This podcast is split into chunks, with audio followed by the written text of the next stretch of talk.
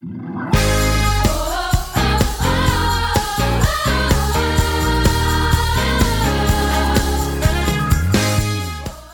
to the City Church International podcast. Each week we launch new teachings and preachings from our Sunday service. We hope it will encourage you in your relationship with Jesus and empower you in your everyday life.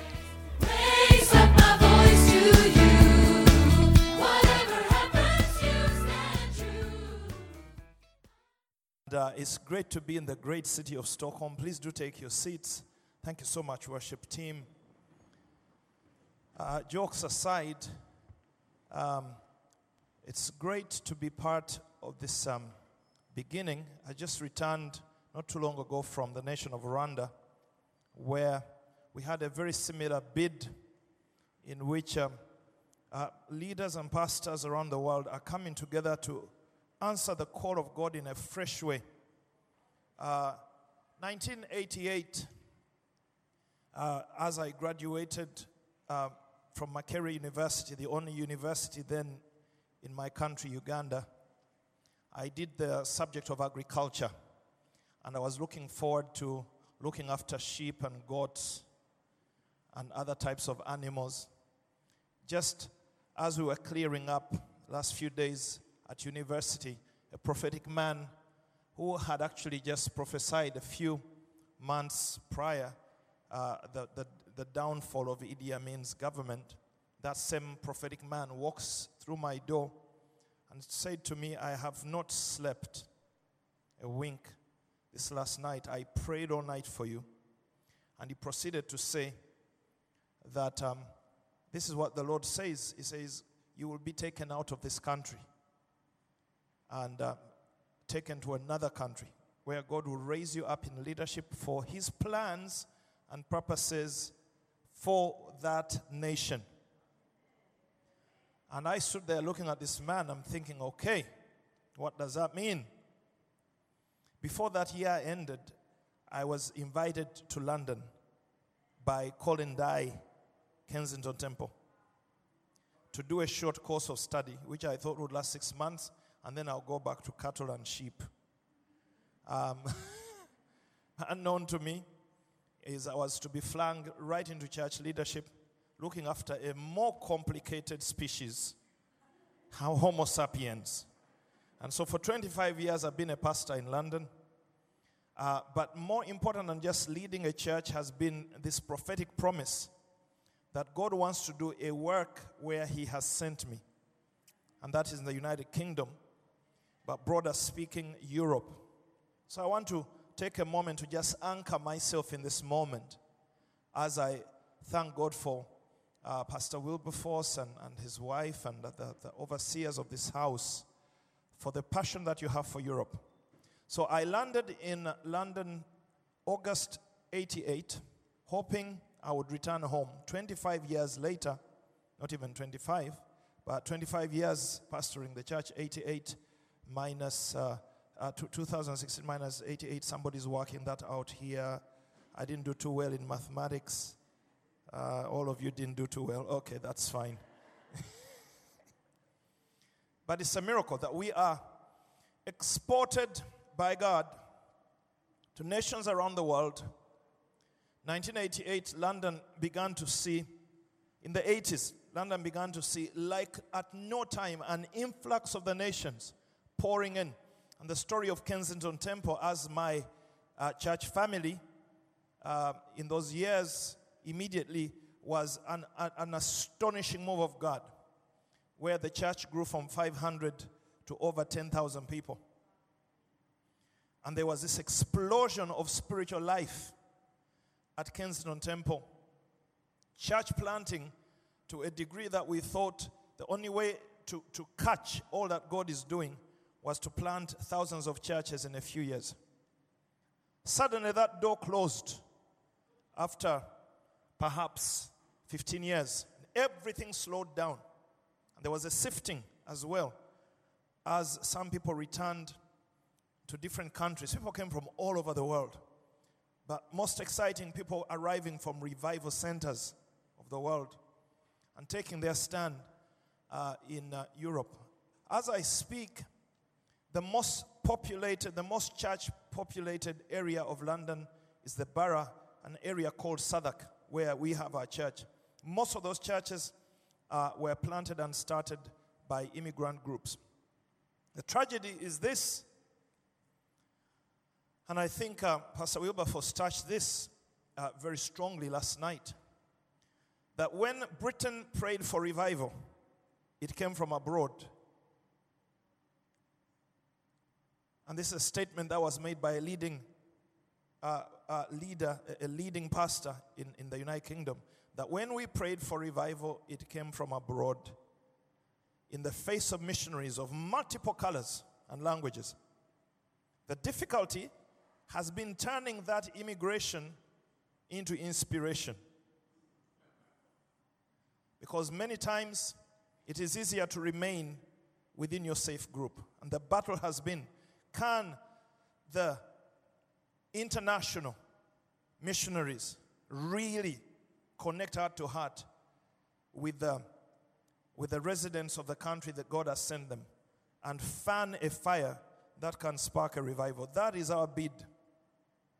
And we pray that a miracle happens here in Stockholm and that you become. I, I, I am particularly blessed by what God is doing here at City Church because I believe that at the heart of what God wants to do is to join hearts under well tested, well tried, foundational ministries that have served in the city and the nations where God has sent us for many years. And that these, uh, as missionaries, we connect, and that was my joy to connect with um, Kensington Temple, which has a heritage of revival over many years. Men like um, George Jeffreys who lit fires of revival across the United Kingdom. So I'm there as a servant of the Lord, pastoring Liberty Christian Fellowship, a Ugandan majority church, seeking to make a difference in the atmospheric um, status spiritually of United Kingdom. So I was challenged today to speak the subject of your kingdom come. And you need to understand when uh, the prophecy over your life is to go to a nation and wait for what God will do there. You have little less to do, but, but pitch your heart towards revival. My passion over 25 years of leading Liberty Christian Fellowship has been to wait for what God wants to do, to incubate what God is doing, to, to seek the Lord and to wait and listen on what are the building blocks of a move of God in a nation. Should we pray harder and more? What, what, what's the key? Is it bigger buildings? Is it, is it just gathering many conferences? What, what is it? My persuasion is that God is needing to retrain and reteach the church on a lot of fronts. Because unless we have radical thinking, we cannot host a radical move of God. I'll say that again. Except that our thinking and our belief is radical, we cannot incubate or birth or host a radical move of God. I was pleased to listen to Pastor Colin as he spoke here of his vision, understanding of how the end time move of God will look like. People coming together in one spirit, the body of Christ rising to a fullness. See, my own journey began more specifically, more recently, about four years ago, as I looked again at John 3 and verse 1, where Nicodemus comes to Jesus by night. And uh, the jury is still out on whether he already had a, a conversion experience, but he's coming to Jesus to engage him on the issue of the dynamics of his ministry. He says to him, um, No one does these signs that you're doing except God is with him. No one can do the works that you're doing except God is with him. And in John 3, verse 5, Jesus answered, Most assuredly I say to you, except one is born of water and the Spirit, he cannot enter the kingdom of God. Now, my original understanding of most assuredly I say to you, unless one is born of water and spirit, he cannot enter the kingdom. I thought it meant you, except you are saved, you cannot go to heaven. I don't know whether some of you are still there. I thought this was about entering heaven. That's how I'd already had it preached. But Jesus is not talking about uh, going to heaven. Except one is born again, he cannot begin to enter to see. Actually, the earlier verse, I think it's verse 3, where he says, uh, Most assuredly, I say to you, unless one is born again, he cannot see. The first word is see the kingdom. The second one is enter. Enter the kingdom. And I began, first of all, to recover from the thought that Jesus is talking about going to heaven, to realizing Jesus is saying, You are born again to enter the kingdom of God. The kingdom of God is not something outside uh, of here going to heaven. The kingdom of God is God coming to earth. That's a big shift. The kingdom of heaven is God moving address and setting up camp on earth. And I feel that until we recover fully the theology of the kingdom, we cannot really set ourselves ready for what God wants to do. As a revivalist, as someone who's passionate about revival and the dream of seeing God visit London and His presence and power moving across the streets and hearing tales of conversion and people found calling on Jesus. And I'd love to see that city shaken by the power and grace of God. But you see, I don't see the word revival clearly written in the Bible. So uh, my theology begins to, to struggle because I have no anchor verses. I have nowhere to develop a biblical theology about what God wants to do. Until the moment came for me to realize actually the kingdom of God coming powerfully in a community, in a church, is what revival is about. I'll say that again. The kingdom of God is God coming to earth. Initially, as his son coming and setting up and inaugurating the kingdom of God on earth. But then you begin to realize as you push forward that although the kingdom of God has been inaugurated on earth, Jesus says to us through the, the question that the disciples asked, Lord, how should we pray? Teach us to pray. And he says, Our Father, who art in heaven, hallowed be thy name. Thy kingdom come. Your kingdom come. The prayer life of a believer must regularly include the invoking of the kingdom of God. The regular prayer life of a believer must regularly invoke the coming of the kingdom. Is it here or is it coming? What's going on? How come it's here and yet we are ca- calling for God to send or come? Again, send is kingdom. Because both are true, both are right. And this is a, a truth about scripture and Bible life and spiritual life. That somehow, everything God has done, we must ask for it again. So we are saved and we are being saved and we shall be saved. According to the Bible. We are saved and we are waiting for salvation. It's present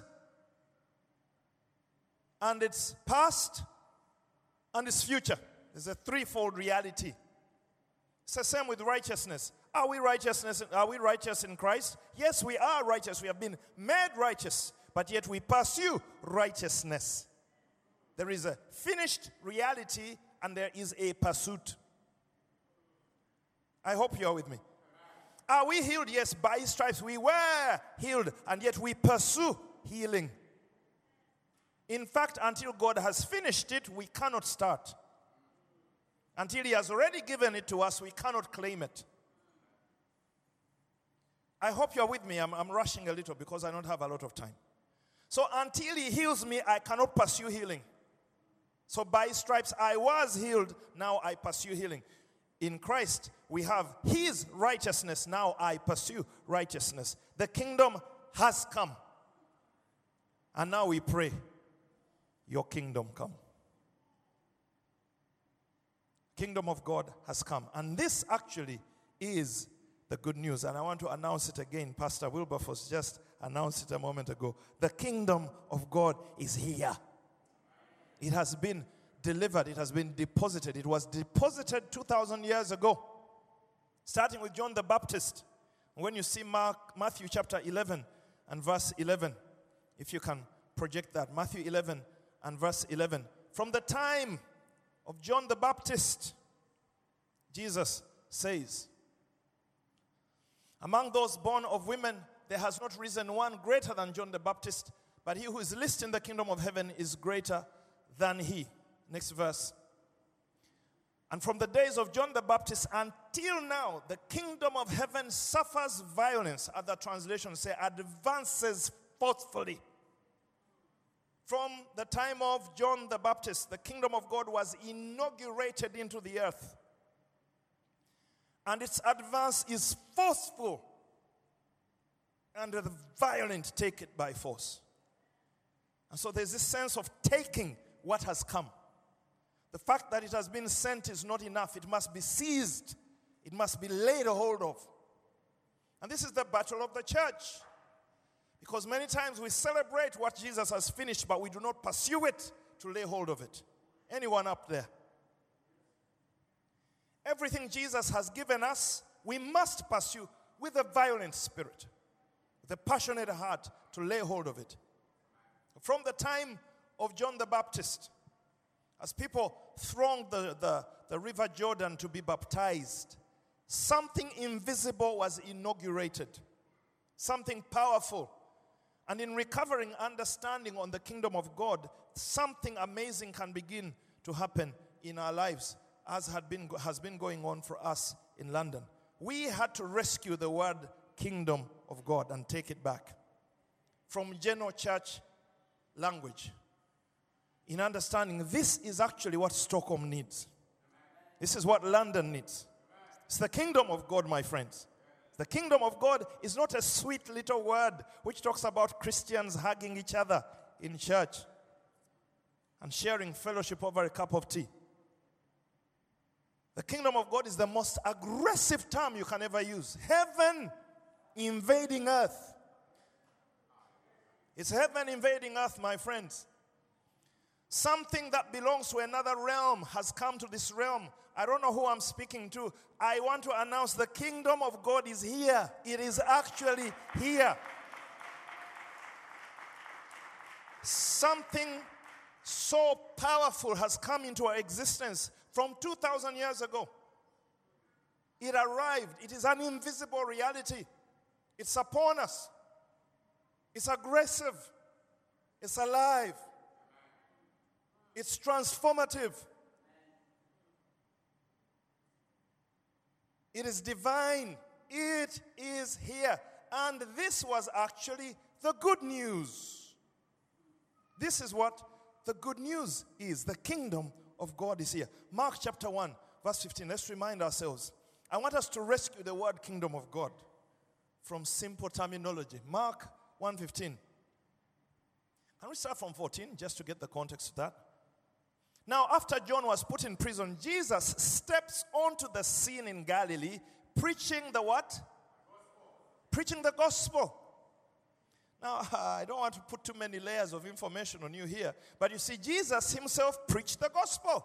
What's gospel? The word gospel is God's spell, which is, uh, is a coined word, but it actually means the good news. Jesus steps onto the scene preaching the good news of the kingdom of God. This is the good news for Stockholm. Heaven has relocated to earth. Listen to this, next verse. And saying, The time is fulfilled. What the nations have been waiting for has come to pass. Something that has been hidden away in the vaults of heaven has reached its climax. This is the moment. The time is fulfilled. The kingdom of God is at hand. You can grasp it. This is the good news. And I was telling Pastor Wilberforce, uh, in traditional Christian teaching, the, the good news is the five points of the gospel. What's the gospel? Jesus died for you. Jesus, the man is a sinner. Jesus died. we have the five points of the gospel. You, you guys remember them. I can't even remember them off the top of my head. But it's about sinfulness of man, the love of God, the grace of God. You believe God, you confess, then you say, That's the good news. Before Jesus died, the good news was here. What's the good news? Now tell your neighbor for me, heaven arrived here 2,000 years ago, here on earth. Tell your neighbor for me, heaven arrived on earth 2,000 years ago, Ah, what does that mean? Why do we see hell at home and in our schools? Because the Bible says it's at hand. It is at hand. It can be grasped. You can lay hold of it. The Bible does not say the kingdom of God is in your lap. It says it's at hand, meaning we can reach out and lay hold of it. It's within reach. And you see, the first step in laying hold of the good news of the kingdom is as we just read except a man is born again, he cannot see. And the word see there is revelation, it's a revelatory thing. The kingdom of God is a revelation issue. In 1981, when Jesus came to our family in, uh, in uh, outskirts of Kampala, my family worshipped many idols because it's a culture thing. Gods. We had security gods, we had education gods, we had uh, business gods. My mother just gathered them and they were all over the house. Security god was near the door. The education one you have to honor every morning as you go to school. Children, have you honored your God? I said, No, mom, we're about to go. And so you go and, and, and you kneel down and you throw a couple of uh, pennies in there so that you, you do well at school. We had them all. And one time, gunmen broke into the house and took a lot of stuff. And they took the gods as well. what was most disappointing to me is the security one was taken as well.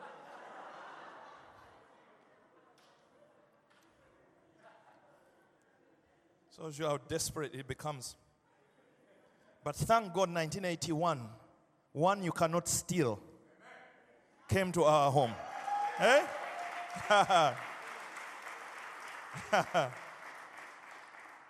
the transformation happened when Jesus came into our lives. The kingdom of God is established.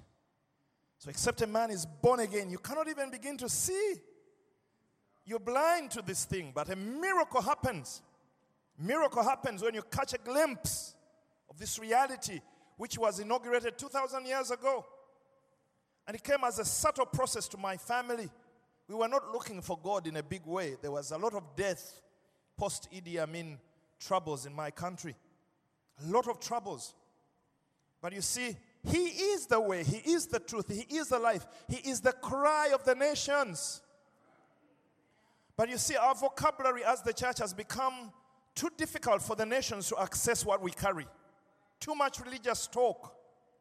But the cry of the nations is the kingdom of God. This is what people are looking for. This is the need of the nations. And as we speak, perhaps God will give us and enrich us with the kind of vocabulary we will need to win and disciple our nations. But we need to start by, first of all, us understanding what is it we have received. Can somebody shout, the kingdom of God? Yes, we need to understand the kingdom of God is not a simple phrase for us to throw around. Uh, Matthew, I want us to go back to, to Matthew 11 11 for a moment. Jesus says, Of all born of women, there has none been as great as John the Baptist. What are you talking about, Jesus? How can you leave out Elijah? How can you say John the Baptist is bigger than Moses? These guys opened seas and performed huge miracles. How can you even begin to compare John the Baptist? Did he open any blind eye? Did he heal any sick? Yet the Bible says, because he is the announcer of the kingdom, he is greater than Elijah. Just for saying, ladies and gentlemen, the kingdom has come. Bible says is greater than the lot.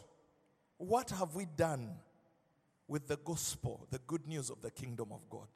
Have we even understood how potent, how powerful the kingdom issue is? And he then says, the least in the kingdom of heaven is greater than John the Baptist. That means your neighbor is bigger than Elijah. My God, you didn't hear me. Tell your neighbor, I am bigger than Moses and I'm bigger than Elijah. How in the world can that even be? But we need to embrace this is where it starts, my friends. This is where it starts, Stockholm. We are stewards of a grace. We are stewards of a reality that Elijah in heaven is saying, if I was down there, I would be turning cities upside down. Moses is saying, Lord, can I please go back and be part of this? Something more powerful than we know was deposited to us. And we need to unpack it and begin to walk in it.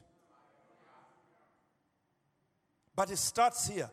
I declare one more time we are stewards of something more powerful than the Old Testament ever saw. Something has been deposited upon the church. And God, help us. What have we done to it? How have we reduced it to a, a weak, powerless message? How, how is it that Jesus is saying? And you see, he says, from the time of John, the people have been pushing into this thing to lay hold of it. And the violent people lay hold of it. Show that verse again. From the days of John the Baptist, now the, kingdom of heaven suffers violence, and the violent take it by force. There is a level of passion, there's a level of devotion, there's a level of violence that must come over us as God's people if we are to take our cities, if we are to see a move of God. Can I hear amen from God's people? May it begin this conference. May something of a of God's seed of passion and violence come upon the church to lay hold of something that has been given to us. And for us to learn, to run with it. Now I want to, to take you to Romans 14, 17. I'm continuing to ask, okay, Lord, what does this thing look like? Because you see, the kingdom of heaven, first of all, is not about going to heaven. It's about walking on earth in the dynamics of heaven. Here. Now, Romans 14, 17, I read this verse and I sat on the floor. For the kingdom of God is not eating and drinking, but righteousness, peace, and joy in the Holy Spirit. Now, as a pastor, you need to understand why I sat on the floor. Because the pastoral issues I deal with are battles with sin, a lack of peace, absence of joy, and dryness. Spiritual dryness. I said, My God, the heirs of the kingdom do not have the evidence of the kingdom. I know I'm losing a few friends, but I've got to say it. Ca- ca- am I allowed? We are heirs of a kingdom whose characteristics are righteousness, peace, and joy in the Holy Ghost. I'm saying, Lord, wait a minute. Could it be that my members in my church are in the kingdom but not experiencing the kingdom? Mm. Mm.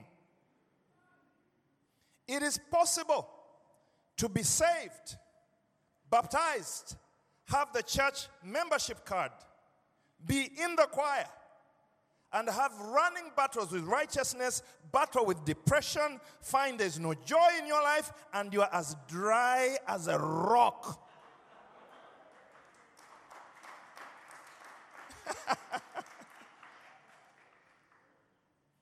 It was never meant to be that we declare, I am saved. No, we were saved to see a kingdom, we were saved to enter a realm.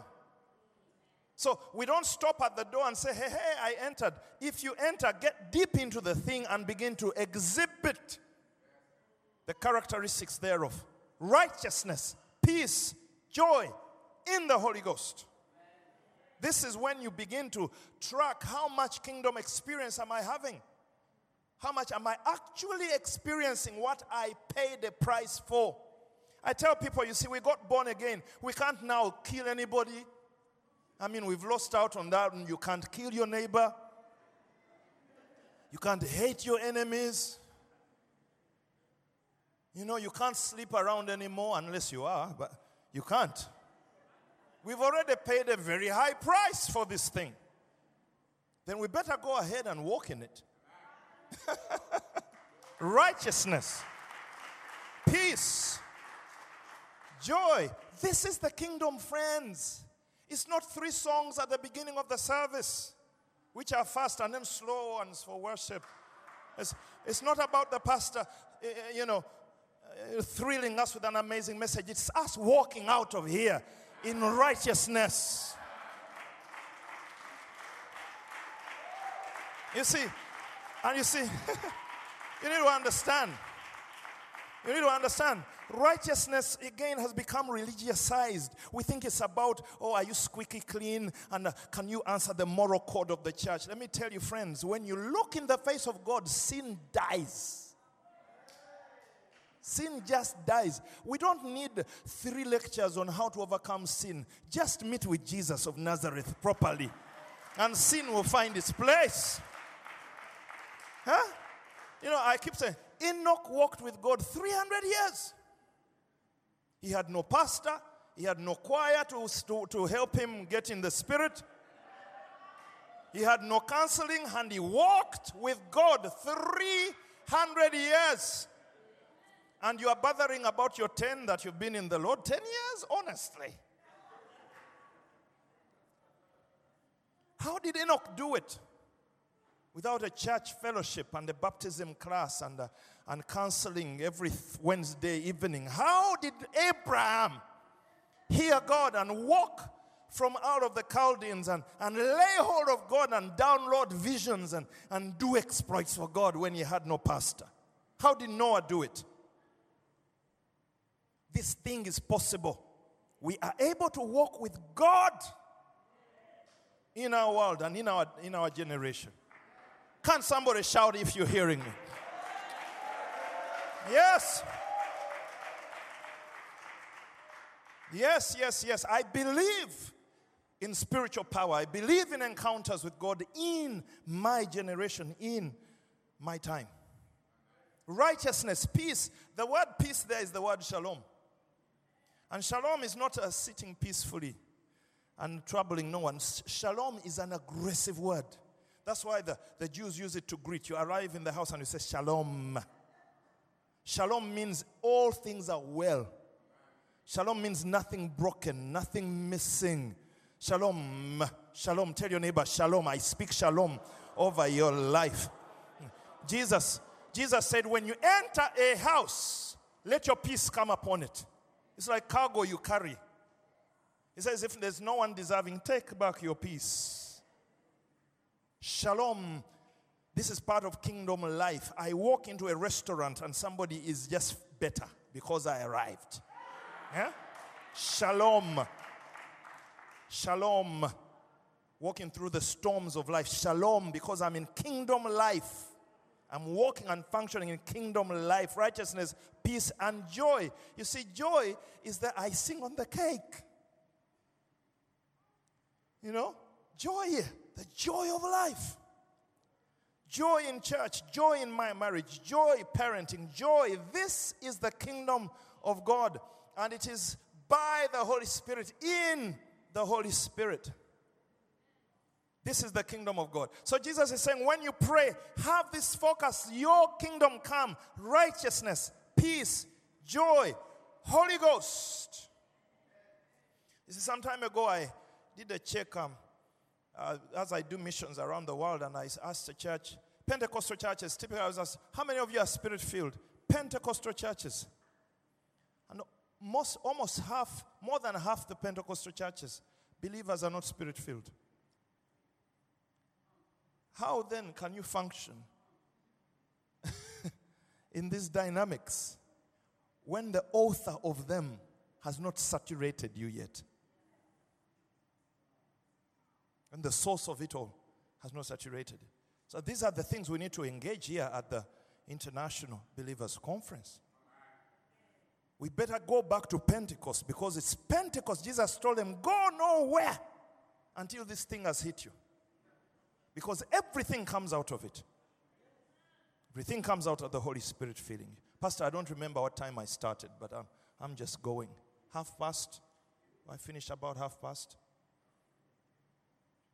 Come on, lift up your hands and say, Holy Spirit, we need you in Stockholm.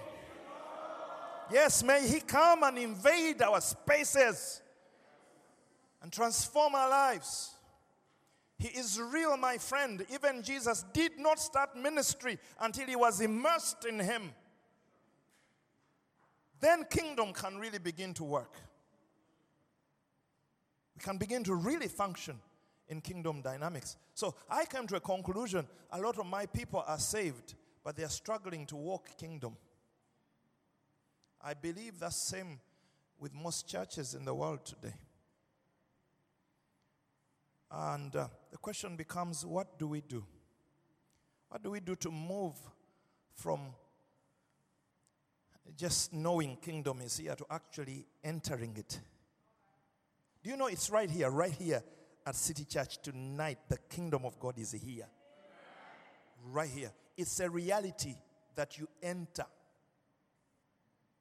You see it and you enter it. And Jesus just told us people lay hold of it violently. so it's not something you say, yes, uh, uh, can I have some of that, please? Not in a British laid back way. You need to become a bit crazy to lay hold of the things of God. There must be a violence of spirit. Is anybody hearing me? Give your testimony of my brother talking about the Holy Spirit and how, really, for me, is the first one to seize. My brother struggled much to receive the gift of the Holy Spirit. And he, he just was not getting filled. He was just not, not giving it time. Uh, we, we were all got filled, but my, my, the brother after me was not getting filled. Do you know how he got filled? Robbers came at night with guns. And so, I mean, Pas- Pas- Pa- Pastor Edward Wagaba knows these tales. We were saved. huh? And one night, they arrive at the door. We hadn't gone to sleep yet. You, we would barricade doors, put boulders on. That's how you go through the night. You pray that you wake up tomorrow alive.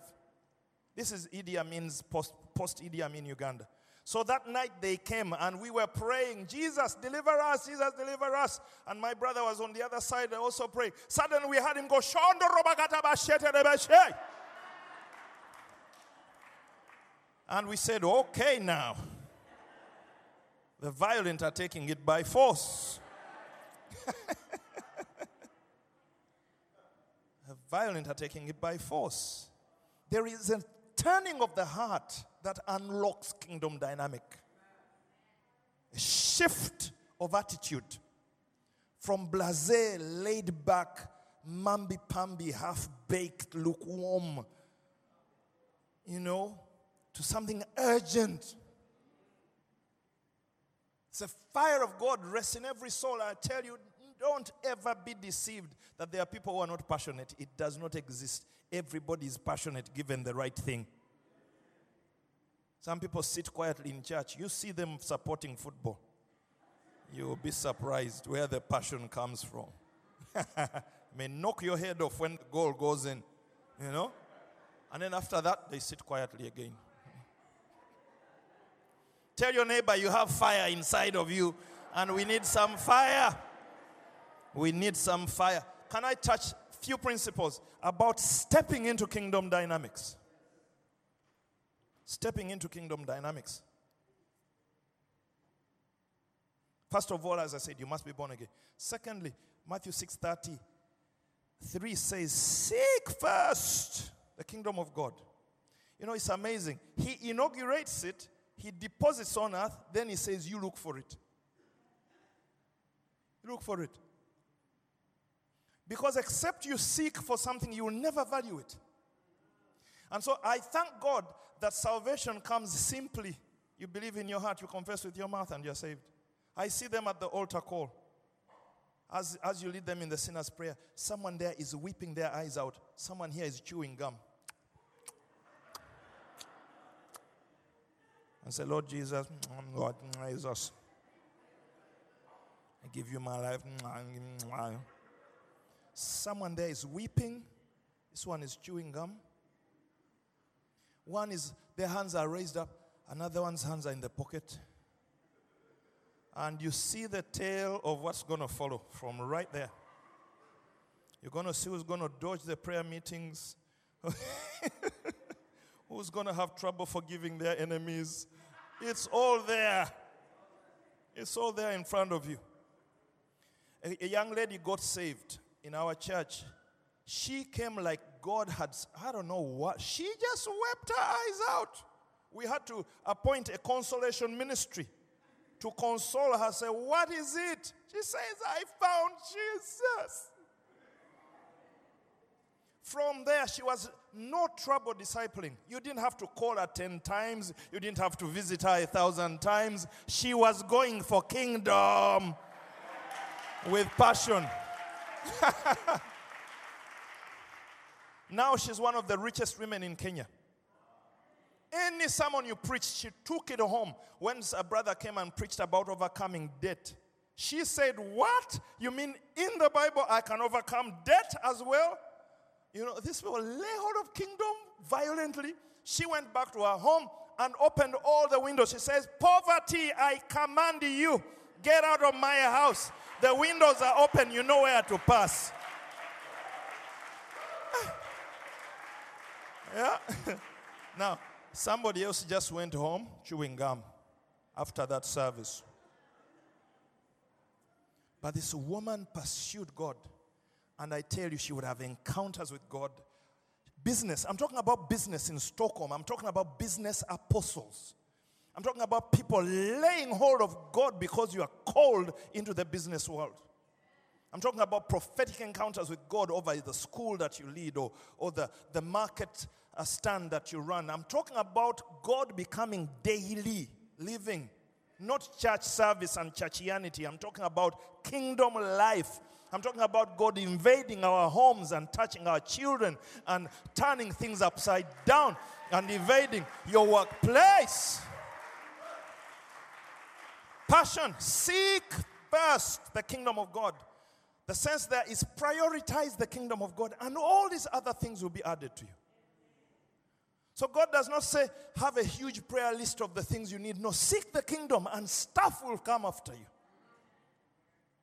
And a lot of our church theology has become how to pray harder and longer so that God gives you what you want. No, seek the kingdom, have a priority to see righteousness, peace, joy, and power in your life, and the other things will come looking for you wherever you are. I must end soon. So seek the kingdom. Pray about it every day. Every moment you sit up and say, I am a child of the kingdom of God, I'm going to see the glory of God in my life.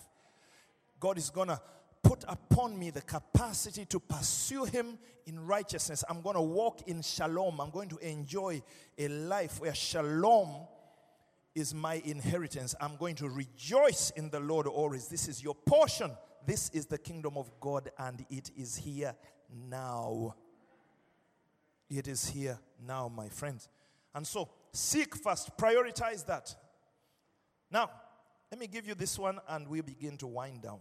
Matthew 13 44. I want you to see where it goes uh, slippery. Matthew 13 44. Jesus gives this parable. Now, you see, once you've redeemed the word kingdom, you understand revival. Now, look at this. Again, the kingdom of heaven is like treasure hidden. Ah, I want to stop right there. Did you see that? It's like what?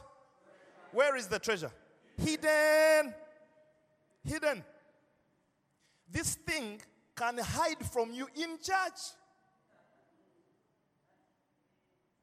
You know, you're in church, everybody's dancing, everybody. Something is hidden. Some people see it hidden in a field. God, who hides it? God. Because anything that lies about has no value.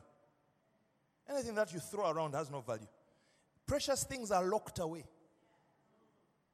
So after you got saved, God is saying, Let me see whether you'll use what I've given you to pursue kingdom. I'm going to hide it. It is hidden in a field, which a man found. What did he do when he found it? Did he publicize it? Did he do a publicity campaign? No, he hid it. He hid it as well. Because you see, this kingdom thing, I can't teach you kingdom. You've got to find it for yourself. And after this sermon is gone, we're going to get out of here.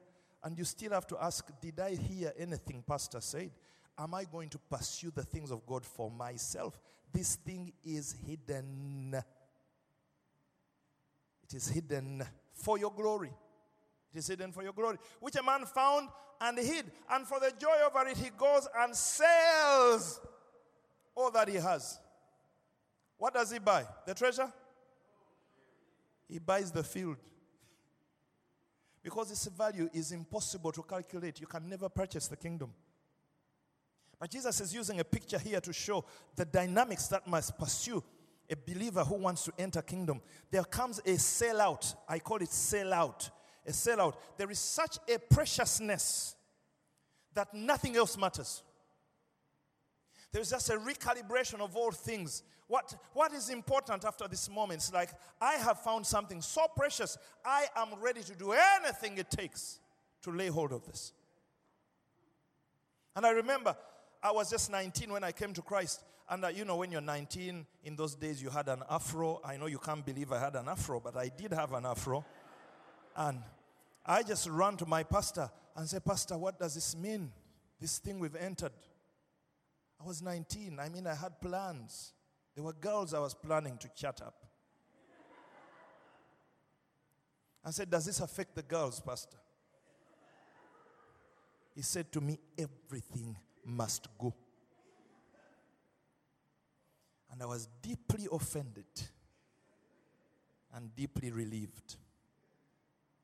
I remember walking home that day, saying bye bye to everything because I knew this costs me everything. Sell out. Ask your neighbor, have you ever sold out for kingdom? Yeah, I give you permission to ask them. And don't let them bluff you. Ask them, have you ever sold out for the kingdom of God?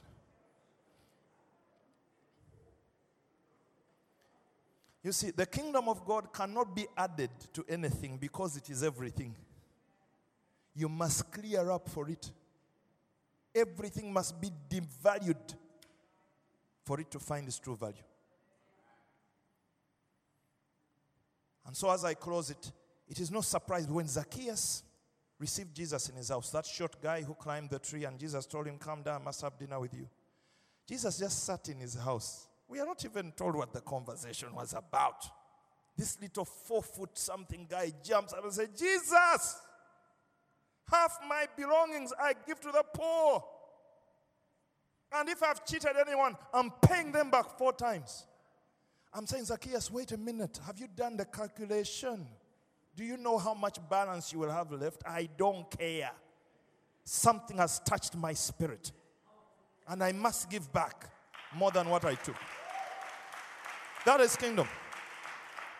A woman takes an alabaster box of spikenard, a year's wages, and runs to Jesus, breaks the box.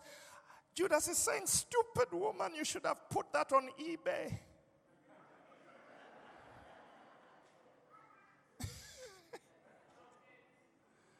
Judas, you do not understand because though you are called an apostle, you have not seen the kingdom. That's your problem. That's why you end up hanging yourself and selling your Savior. You are with us, but you have not sold out. Do you understand? A woman with an issue of blood comes at the loss of all things. She comes saying, If I can only touch the hem of his garment, I'll be healed. What if somebody sees and recognizes that that's the woman with, that, with an issue of blood? Kill her. She should not be among us. She says, I must meet him. And I don't care the price. I must meet him. A point comes when enough is enough. She pushes through the crowd and says, I either touch him or they kill me. I cannot continue where I am. That is sellout is what releases kingdom life. Do you hear me, God's people?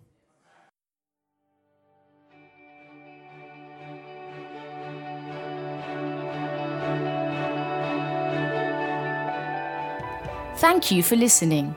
If you're in the Stockholm area, feel free to join us at our international services every Sunday at 2 pm at Adolf Fredriks Kyrkogata 10. If you'd like to know more about Jesus or for any other information, please do visit us at ccistockholm.se.